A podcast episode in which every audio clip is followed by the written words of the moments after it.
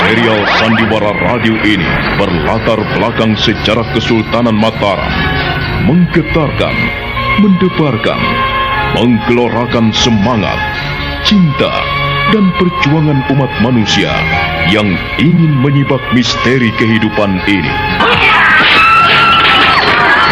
Cerita ini ditulis dan diolah oleh Bu Nergis Muriono, pengarah cerita dan naskah Agung Bahrodi, ilustrasi musik Hari Sabar, teknik dan montase Jenny Mumu, dengan sutradara Ferry Fadli.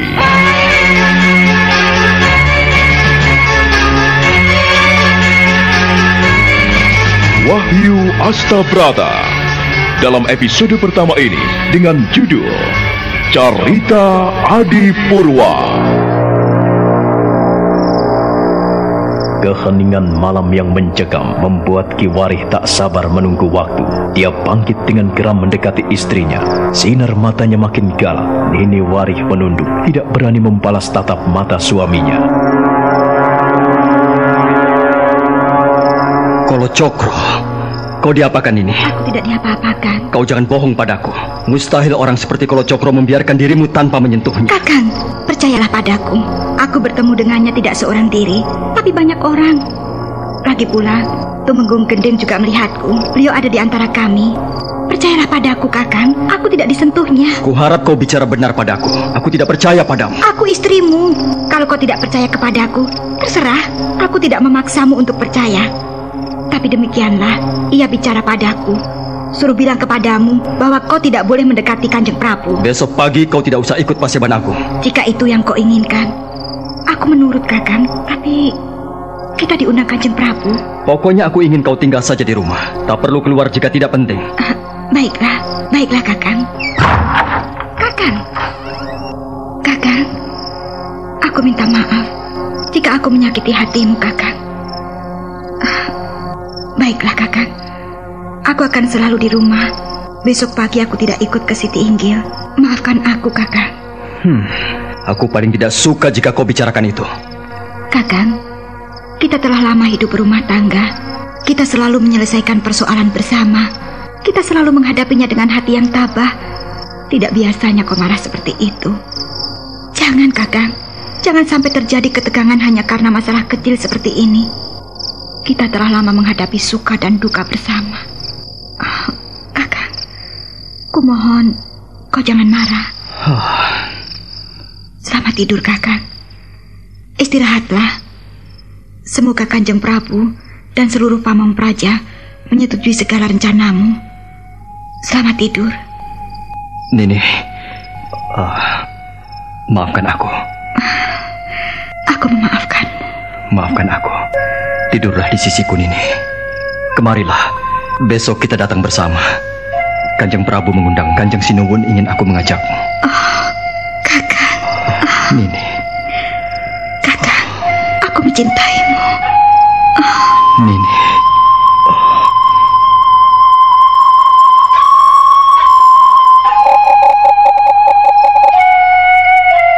Malam berpagut dengan keheningan, lekat dan penuh kesunyian. Ki Warih dan istrinya saling berpelukan, menikmati sisa-sisa malam dengan alunan kidung kasih. Mereka melupakan perselisihan dengan terus berpelukan, melepas kepenatan di dada. Pada pagi harinya, di pendopo agung, para pamong praja dan sesepuh istana serta seluruh sentono dalam istana Mataram telah berkumpul menghadiri paseban agung yang diadakan pertama kali oleh Sang Prabu. Terima kasih atas kehadiran Eyang Mondoroko, Pak Alik Mangkubumi, serta seluruh sesepuh istana. Saya juga mengucapkan terima kasih pada seluruh pamong praja dan sentono dalam yang sudi menghadiri paseban agung ini. Tetapi, kenapa ada satu yang kurang? Kang Mas Joyorogo, Kang Mas Jumina, semuanya ada di sini. Mengapa Kang Mas Puger tidak ada hadir di Paseban Agung ini? Apakah kau tahu, Kakang Joyorogo? Kakang Purboyo? Saya tidak tahu. Kang Mas tidak mengerti. Kang Mas Purboyo, apakah tahu mengapa Kang Mas Puger tidak hadir di Paseban ini? Kang Mas tidak tahu, Di. Kang Mas Jumina, apakah kau tahu mengapa Kang Mas Puger tidak hadir di sini? Kang Mas tidak tahu. Kang Mas Pringgoloyo juga tidak tahu? Kang Mas tidak tahu kenapa Kakang Puger tidak hadir di Paseban ini. Barangkali ia sedang bepergian jauh, Kang Mas.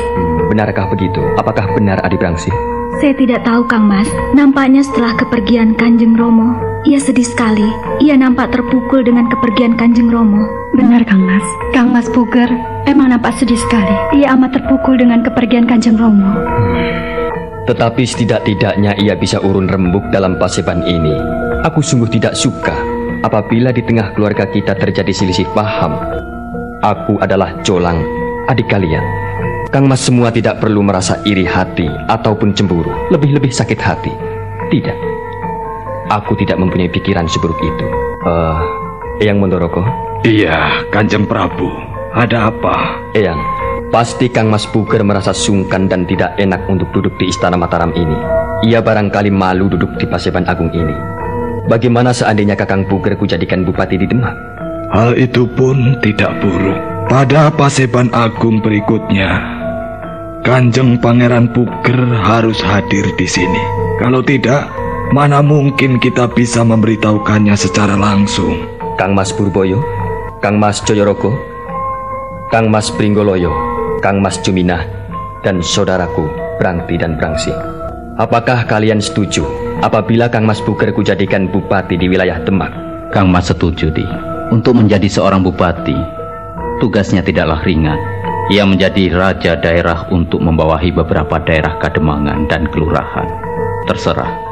Apabila itu baik, Kang Mas setuju saja. Kang Mas juga setuju, Adi Jolang. Mungkin itu lebih baik dari kedudukannya saat ini. Kang Mas juga setuju, Adi Jolang. Kalau itu yang terbaik, apa salahnya Kang Mas Puger dilantik sebagai seorang bupati di Demak? Kami setuju, Kang Mas Jolang. Terima kasih apabila semuanya telah setuju. Uh, Eyang Montoroko, Pak Lik Mangkubumi. Iya, iya Kanjeng Prabu. Eyang dan Pak Lik menjadi saksi. Kang Mas Puger telah kutunjuk sebagai seorang bupati di Demak. Jika ia menjadi bupati Demak, maka Mataram punya perisai di utara. Ia nampaknya juga punya wawasan dan jangkauan untuk pengembangan wilayah Mataram. Benar. Bukankah selama ini Paman Gending menduduki Demak sebagai pejabat sementara? Jabatan yang kosong itu bisa diserahkan kepadanya. Yang hadir di Paseban Agung ini menjadi saksi bahwa secara resmi Kakang Puger telah kita tunjuk sebagai Bupati Demak. Semua yang hadir di Paseban Agung itu menunduk dan memberikan hormat pada Kanjeng Prabu. Semuanya menyetujui keputusan beliau untuk mengangkat Pangeran Puger menjadi Adipati Demak. Hal itu supaya bisa menghindari perselisihan di antara keluarga di Mataram. Raden Mas Jolang bangkit dari singgasananya lalu menyerahkan segulung wawaler atau undang-undang istana kepada Eyang Mondoroko.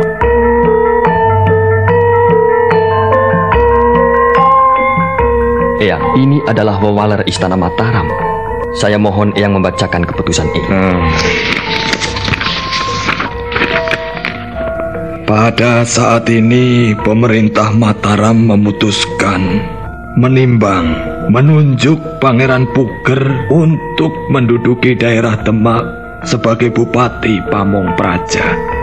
Sebagai seorang bupati, harus memenuhi tugas dan kewajibannya sebagai alat pelengkap dan tangan kanan raja. Undang-undang yang perlu diperhatikan. Jikalau dalam melaksanakan tugasnya terdapat kesalahan-kesalahan, maka penunjukan bisa dicabut tanpa ganggu gugat. Keputusan ini diputuskan di Mataram atas nama pemerintah Mataram, Sultan Panembahan Nyokrowati.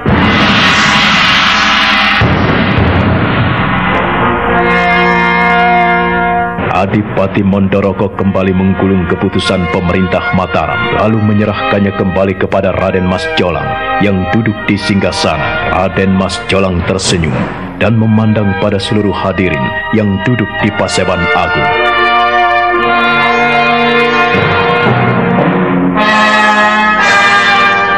Semuanya telah tahu bahwa siapa yang melanggar aturan dan tatanan yang ada di Mataram ini bisa dikenakan sanksi hukuman. Tetapi yang bisa melaksanakan tugas dan kewajibannya dengan baik, ia pun akan mendapatkan ganjaran yang setimpal. Dalam kesempatan ini, selain menunjuk Kang Mas Puger sebagai Bupati Demak, yang akan kita selenggarakan beberapa waktu yang akan datang, kita masih perlu mencari waktu yang baik. Maka pada kesempatan ini pula, saya ingin menyampaikan rancangan-rancangan untuk anggaran bulan depan. Salah satu hal adalah pembangunan pesanggerahan di Desa Kerapyak. Perlu diketahui bahwa pembangunan pesanggerahan di Desa Kerapyak ini perlu dibangun untuk istirahat. Itu yang pertama. Bisa digunakan untuk tempat gawat darurat. Siapa pun di antara kita boleh istirahat di sana dan ikut berburu bersamaku. Asal seizin pemerintah. Rancang bangunnya telah dibuat dengan baik. Kiwari, silakan. Kiwari menghaturkan sembah dan hormat di hadapan Raden Mas Jolang. Dia sangat menghormati Sang Prabu yang memandangnya dengan senyuman ramah. Setelah dia kembali menyembah, dia kemudian mengeluarkan gulungan gambarannya. Gambaran itu merupakan rancang bangun taman di pesanggerahan Krapyak. Perlahan-lahan dia pun kemudian menggelar gulungan itu. Kanjeng Adipati Mondoroko yang terhormat, Kanjeng Pangeran Mangkubumi yang terhormat, dan yang mulia Kanjeng Sinuwun yang saya muliakan, serta para hadirin di Paseban Agung ini yang saya cintai. Perkenankanlah saya menyampaikan rancang bangun di Desa Kerapyak, pesanggerahan Kerapyak yang menurut rencana akan dibangun mulai bulan depan. Tentang rancang bangun pesanggrahan Kerapyak, terdiri dari enam bangunan pokok yang semuanya akan kita buat seperti istana ini. Akan tetapi dengan ukuran yang lebih kecil, semuanya itu bisa kita manfaatkan sebagai tempat darurat maupun tempat untuk peristirahatan yang nyaman. Di pesanggrahan itu kita bisa memelihara kijang dan satwa liar lainnya. Bisa digunakan untuk melepaskan lelah dan sarana hiburan bagi keluarga raja. Untuk rincian selengkapnya, semua sudah saya tulis dalam lembaran kulit ini. Akhirnya untuk kelanjutan rencana ini, hamba kembalikan dan hamba haturkan pada yang mulia Kanjeng Sinuwun. Terima kasih.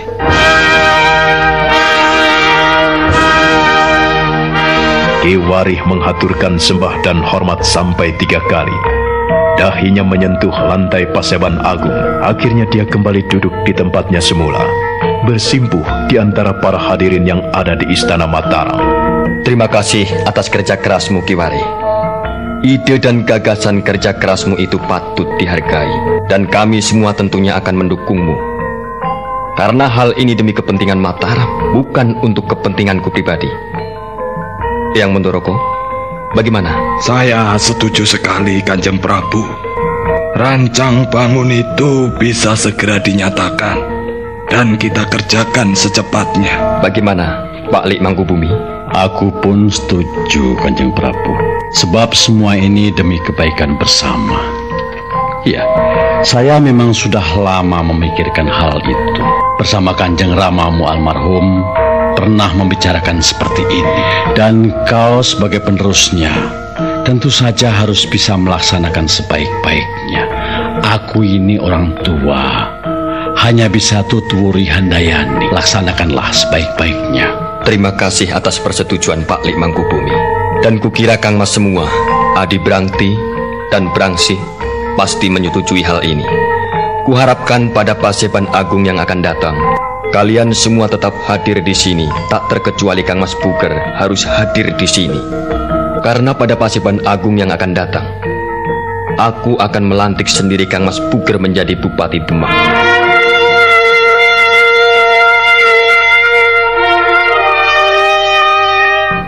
Semua yang hadir akhirnya menghaturkan sembah pada Kanjeng Prabu. Semuanya menyetujui apa yang telah dibicarakan di Paseban Agung itu. Paseban Agung pun segera berakhir. Semuanya kembali ke wisma masing-masing. Para pamong praja, bupati, dan para bawahan semua kembali ke tempat tugas dan kewajiban mereka masing-masing. Tetapi Putri Prangti dan Putri Prangsi masih nampak duduk di depan singgasana Kanjeng Prabu.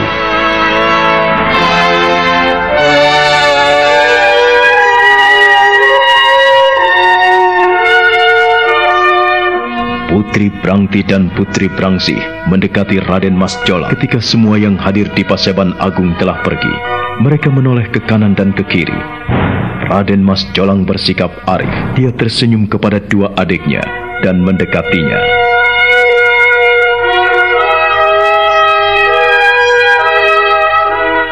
Ada apa, Nimas Brangti dan Nimas Brangsih? Mengapa kalian tetap di sini? Apakah ada yang ingin kalian katakan padaku? Benar, Kang Mas. Aku ingin menyampaikan sesuatu kepadamu. Katakanlah, sampaikanlah Nimas Brangti. Aku tidak tahu dari mana aku harus memulainya. Lebih baik tidak di sini. Aku ingin bicara denganmu secara pribadi, Kang Mas. Aku tidak ingin orang lain mendengarnya. Hmm, baiklah. Kau akan kutunggu di wismaku. Ayo, ikutlah.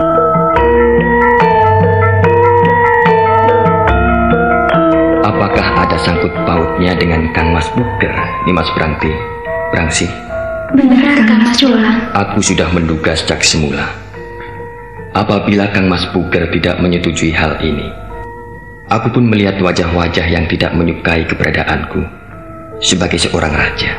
Padahal kalian sendiri juga tahu bahwa aku ini ditunjuk sendiri oleh Kanjeng Romo, Sabdo Pandito Ratu. Apa yang diucapkan oleh Kanjeng Romo almarhum adalah hukum dan undang-undang, adalah tatanan yang tidak bisa dicegah, tidak bisa digagalkan, dan tidak bisa diingkari lagi. Kalian tahu itu, bukan? Iya, Kakang. Waktu Kang Mas dilantik sebagai raja oleh Eyang Mondoroko dan Pak Lek Mangkubumi, Kang Mas Puger memang kurang menyukai. Tetapi kami tidak tahu mengapa ia begitu. Ia memang keras kepala. Aku sendiri juga tidak tahu, Kang Mas. Ia bicara keras pada kami. Tetapi kami tidak menanggapinya. Mengapa kau baru menyampaikan hal itu sekarang ini? Brangti, Brangsi, kita tidak boleh membiarkan masalah-masalah kecil menjadi masalah besar hingga berlarut-larut menjadi api dalam sekam. Kau tahu bahwa masalah kecil ini bisa menimbulkan perpecahan di dalam keluarga kita. Aku tidak suka hal itu terjadi. Tapi nampaknya kekerasan Kang Mas Puger cukup beralasan, Kang Mas. Ia adalah saudara tertua kita. Mungkin menurutnya dialah yang paling layak menggantikan Kanjeng Romo. Iya, Kang Mas. Mungkin begitu pemikirannya, sehingga ia malu ketika duduk di Paseban Agung. Lebih-lebih harus bersujud di depan kakimu. Malu, bukan? Di dalam Paseban Agung aku tidak menuntut kakak-kakakku duduk di Paseban, duduk di lantai. Bukankah sudah kusediakan tempat duduk yang baik buat kalian? Ingat-ingat hal ini. Semua saudara-saudaraku tidak kubiarkan bersujud di depan kakiku. Aku tidak menghendaki hal itu. Seperti tadi kau lihat sendiri tempat duduk Kang Mas Puger pun kosong. Saudara-saudaraku kutempatkan di samping kanan kiriku. Duduk berderet. Apakah aku tidak memikirkan hal itu, Nimas Brangti, Nimas Brangsi? Iya, Kang Mas. Betul, Kang Mas. Aku sudah berusaha untuk arif sedikit dan aku tidak mau menutup mata. Apakah kau kira mataku yang terbuka lebar ini sudah buta? Tidak, mataku cukup awas. Hatiku pun masih melek Brangti, Brangsi. Nimas Brangti, Nimas Brangsi. Maaf, aku sedikit terbawa emosi. Maaf, aku tadi agak kasar. Maaf sekali. Bukan itu maksudku, maaf sekali. Tidak apa-apa, Kang Mas. Nimas berdua, kuhargai masukan kalian. Semoga Nimas Brangti dan Nimas Brangsih membantuku. Aku tidak ingin masalah yang kecil seperti ini menjadi berlarut-larut. Aku juga pernah membicarakan hal ini dengan Eyang Mondoroko dan Pak Lik Mangkubumi. Mereka pun sudah mengerti dan memaklumi. Dan tadi setelah kuusulkan, akhirnya mereka pun menyetujui bahwa Kang Mas Puger cukup layak menjadi seorang bupati di Demak. Kang Mas Jolang cukup bijaksana memerintah. Aku mendukung Kang Mas. Iya, aku pun sama. Kang Mas nampak mengadakan sedikit perubahan-perubahan. Apabila pada waktu Kanjeng Romo almarhum, semua saudara-saudaranya duduk di lantai Paseban. Tetapi sekarang, Kang Mas telah menyediakan tempat duduk bagi kami, dan kami tidak merasa direndahkan. Terima kasih atas semua itu, Kang Mas. Kita semua tentu saja menginginkan yang terbaik, Nimas. Aku menyesal karena Kang Mas Puger begitu keras, tetapi tidak mau berterus terang kepadaku. Sedalam-dalamnya bangkai dikubur, ia akan tetap tercium juga. Tetapi tak mengapa. Aku harus menghargai Kang Masku. Kang Mas Puger adalah Kang Masku yang tertua. Jadi aku harus menghargai pendapat dan unek-uneknya. Ku minta kalian berdua sering-seringlah datang ke wismanya. Aku sendiri akan datang ke wismanya. Tetapi sebelum aku datang ke wismanya, silahkan Nimas berdua mendahului kedatanganku. Barangkali nanti malam aku akan datang ke wismanya. Tidak sebagai Prabu, tidak sebagai Sultan di Mataram ini, tetapi sebagai adiknya. Kau mengerti, Brangti? Brangsi? Iya, Kang Mas. Kami, Kami mengerti. Untuk itu ku minta kalian tidak membesar-besarkan masalah ini. Setiap masalah bisa diselesaikan dengan baik. Jangan sampai kita menyelesaikan persoalan satu hingga muncul persoalan yang lain. Kalian adalah adik-adikku perempuan yang baik. Jagalah diri kalian. Jangan sampai menyampaikan berita-berita buruk pada orang-orang lain. Kita harus bisa menjaga rahasia ini sebaik-baiknya. Kalian harus menjadi saksiku bahwa mengusulkan Kang Mas Puger menjadi bupati di Demak adalah dariku pribadi. Aku sudah mengetahui apa yang telah terjadi di antara kita pada saat sehari setelah kepergian Kanjeng Romo.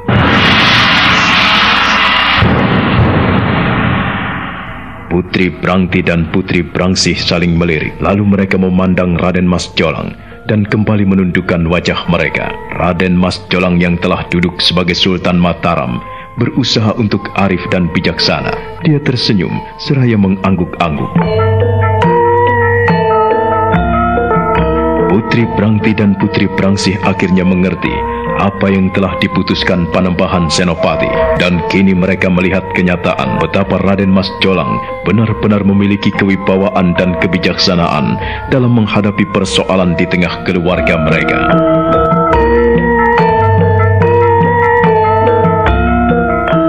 Semua yang telah kulakukan selama ini, kurasa cukup bijaksana. Apa pun yang terjadi di Istana Mataram ini menjadi tanggung jawab kita bersama. Nimas Brangti dan Nimas Brangsi. Iya, Kang Mas Jolang. Apabila aku telah ditunjuk Kanjeng Romo almarhum, apakah kalian juga menolak? Mengapa saat beliau masih hidup, kalian yang setuju begitu saja? Mengapa tidak mengusulkan hal lain? Mengapa tidak menunjuk yang lain? Hal ini harus ditanamkan di dalam hati kalian. Dan aku mengucapkan banyak terima kasih pada kalian berdua.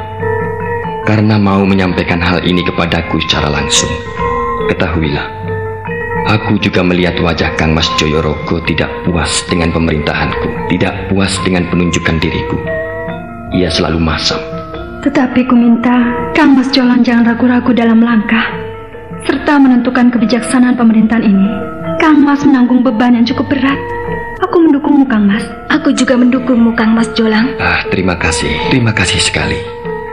Bagaimana? Apakah kalian akan menemui Kang Mas Buger sekarang juga? Tidak, Kang Mas Jolang. Kami butuh waktu. Kalau kami tergesa-gesa ke sana, jangan-jangan nanti ia beranggapan Kang Mas yang menyuruh kami ke sana. Uh, bagaimana? Kalau Kang Mas Jolang sendiri yang ke sana lebih dulu, baru kemudian kami akan menyusul. Iya, usul yang baik. Dengan kehadiran Kang Mas di wisma pribadi Kang Mas Puger, maka ia akan merasa dihargai. Dan Kang Mas Jolang tidak meremehkannya. Benar, Kang Mas Puger memang orangnya angin-anginan. Jadi kita harus tahu diri. Baiklah, usul kalian aku terima. Aku akan ke sana sekarang juga.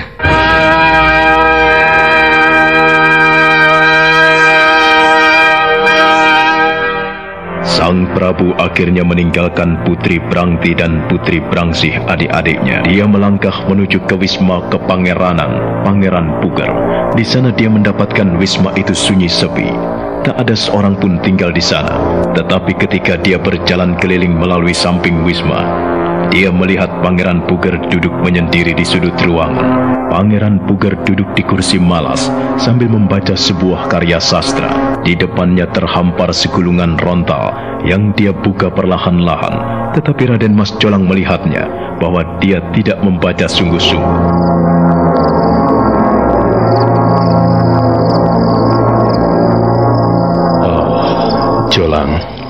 Kang Mas Puger, mengapa pada Pasipan Agung tadi pagi kau tidak hadir, Kang Mas? Apakah kau sakit? Iya, benar Jolang. Aku sakit.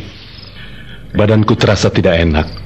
Ketika aku mau pergi menuju Siti Inggil, kepalaku terasa pening.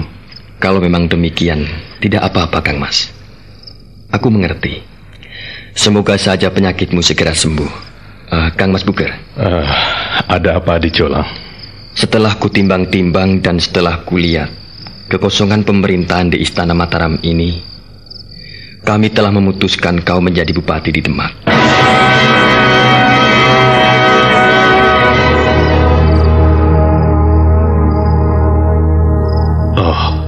Aku?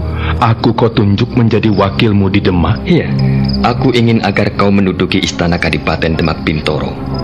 Sebab kulihat di sana masih kosong, Kang Mas. Paman Gending memang telah kutunjuk menjabat sementara di sana. Dan sekarang kulihat Kang Mas memiliki suatu tanggung jawab yang cukup besar. Untuk itu kuminta Kang Mas segera turun tangan. Uh, uh, terima kasih atas kepercayaanmu kepadaku, Adi Jolang. Kalau aku menjadi bupati di sana, Artinya Mataram punya perisai yang kuat. Aku akan membantu Adi Colang. Untuk itu, Kang Mas, aku mohon kau hadir di Paseban Agung yang akan diadakan nanti. Jika kau tadi pagi tidak hadir karena kau gak sakit, tidak jadi masalah. Perlu kusampaikan juga kepadamu bahwa kami mempunyai rencana untuk membangun pesanggerahan di Kerapiak. Membangun pesanggerahan di Kerapiak? Iya. Membangun pesanggerahan di Krapyak dengan tujuan agar tempat itu bisa kita gunakan untuk istirahat, untuk melepaskan lelah. Itu yang pertama. Untuk yang kedua, tempat itu bisa kita gunakan sebagai tempat darurat apabila istana kita terancam bahaya. Setidak-tidaknya kita senantiasa bisa bertemu di sana untuk pertemuan keluarga kita untuk membicarakan hal-hal yang bersifat pribadi di dalam keluarga kita. Rencana itu cukup lama dibicarakan oleh Kanjeng Romo almarhum. Kanjeng Romo juga menginginkan Mataram memiliki tempat-tempat seperti itu. Aku setuju, Adi Colang. Terima kasih atas persetujuanmu. Setidak-tidaknya rencana ini bisa berjalan dengan baik. Semuanya sudah direncanakan secara matang oleh Kiwari. Hah? Ia yang membuat rancang bangun-bangunan di Kerapiak. Kiwari? Iya, Kiwarih adalah putra tunggal Eyang Wulung yang telah mengundurkan diri. Anaknya ternyata memiliki bakat yang cukup besar dalam dunia seni. Aku menghargai usul-usulnya dan rencana-rencananya. Gagasan-gagasannya cukup cemerlang apabila kita terapkan di sini. Iya, aku mendukung rencanamu Adi Jolang. Rencana yang cemerlang sekali. Dan aku juga mengucapkan terima kasih atas perhatianmu kepadaku.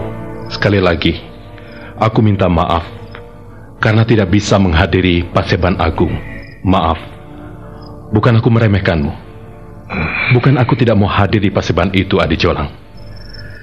Tetapi terpaksa. Badanku tidak enak. Aku tahu Kakang Puger. Badan yang sakit tidak mungkin dipaksakan hingga akhirnya malah menjadi parah.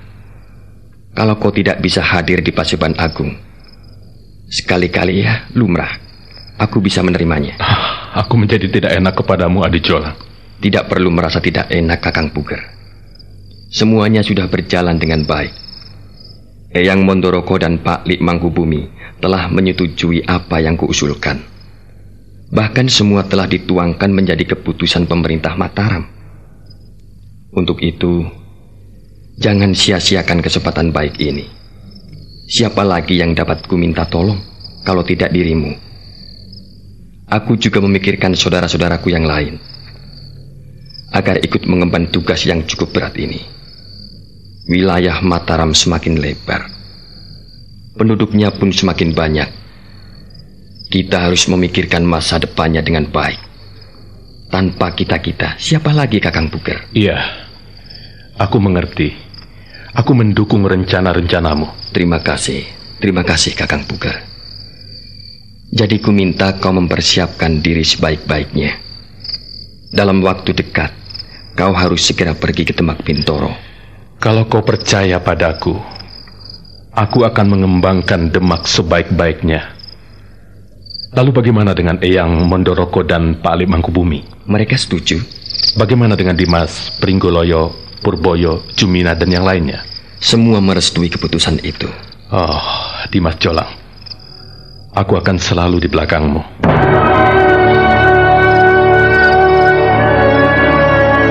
Dengan berita baik yang ia terima, Pangeran Puger nampak berseri-seri. wajahnya cukup senang dan dia menaruh hormat pada adiknya. Dia sekilas memandang Raden Mas Jolang yang melangkah meninggalkannya.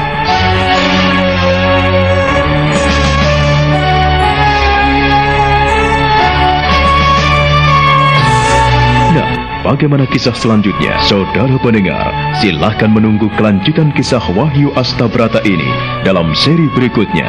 Sampai jumpa.